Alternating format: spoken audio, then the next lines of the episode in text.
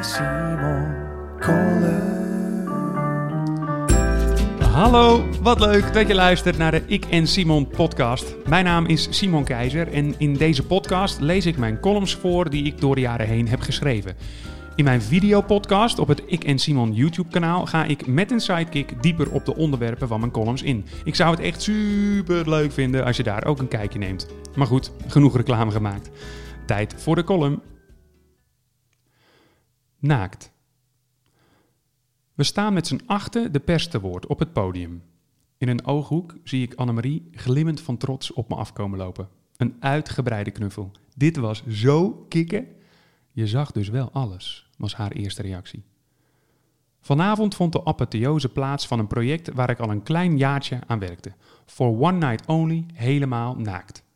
Samen met choreograaf Kenzo Alvarez, Sander Lantinga, Jasper de Molin, Vigo Waas, Jan Versteeg, Thijs Reumer en Peter Faber probeerde ik aandacht te vragen voor prostaat- en teelbalkanker. Het zijn kankersoorten bij mannen die, mits op tijd ontdekt, goed behandelbaar en of zelfs te genezen zijn. Dit aandacht vragen zouden we op een ludieke manier doen, namelijk naakt. Door middel van een striptease op You Can Leave Your Head On van Joe Cocker. Tja, het gaat nou eenmaal om dat deel van het mannelijk lichaam, dan kun je het maar beter laten zien ook. De bedoeling was om dat te doen in een uitverkocht theater Amsterdam. Tegelijkertijd werd het opgenomen als tv-documentaire. Mijn rol was een grote. Ik was een van de drie mannen die waren benaderd met de vraag of ik deze documentaire wilde dragen, noem het presenteren. Na een gesprek van slechts 20 minuten was ik al om. Later werd me verteld dat, omdat ik geen twijfels kende, ik daarom degene was die de uitverkorene was. Annemarie was nogal verbaasd dat ik meteen ja had gezegd, maar ik legde haar uit dat ik dit als functioneel naakt zag. Bovendien hadden de programmamakers me uitgelegd dat op het moment suprême, wanneer we allemaal naakt zouden zijn, er zoveel backlight achter ons zou verschijnen dat we als het ware zouden veranderen in acht silhouetten. Annemarie kon er zich maar weinig bij voorstellen. Het groepsgevoel onder de mannen was zeldzaam goed. Ik herkende het een beetje uit de tijd dat ik nog voetbalde. Een groep gasten met één en hetzelfde doel. De een was gespannen over het dansen en de ander over het naakte onderdeel.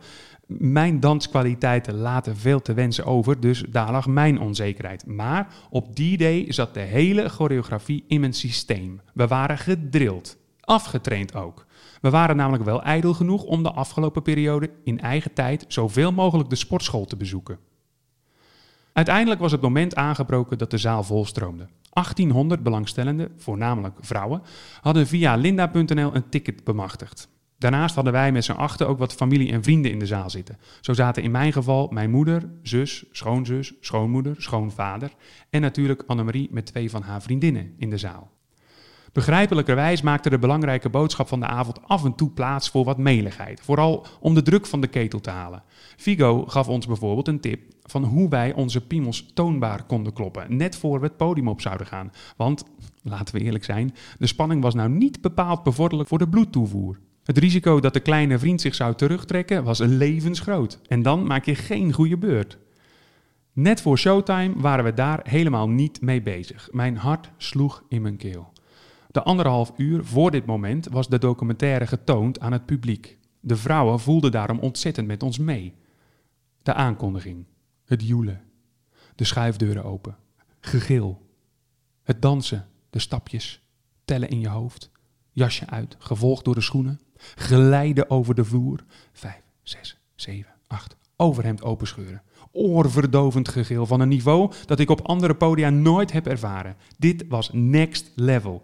Vijf, zes, zeven, acht. Riem uit. Meteen daarna de broek uit. Met alleen een gouden string aan en een kapiteinspet op lopen we naar achteren op het podium. Pet voor de piemel. String uit. Naar voren lopen. Publiek dat werkelijk gek wordt.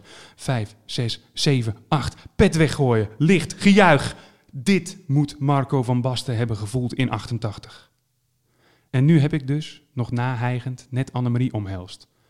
Je zag dus alles zegt ze nogmaals. Daar schrik ik toch wel een beetje van. Ik was er zo zeker van geweest dat we niet meer dan een silhouet zouden zijn, dat ik me daar eigenlijk geen zorgen meer om had gemaakt. Ik denk aan mijn familie en vrienden, aan de 1800 paar ogen die op ons gericht waren. En ik schrik nogmaals. Maar um, hoe, hoe zag het er nog een beetje oké uit dan daar beneden, wilde ik weten. Oh, dat weet ik niet, antwoordde Annemarie. Ja, sorry, naar die van jou heb ik niet gekeken.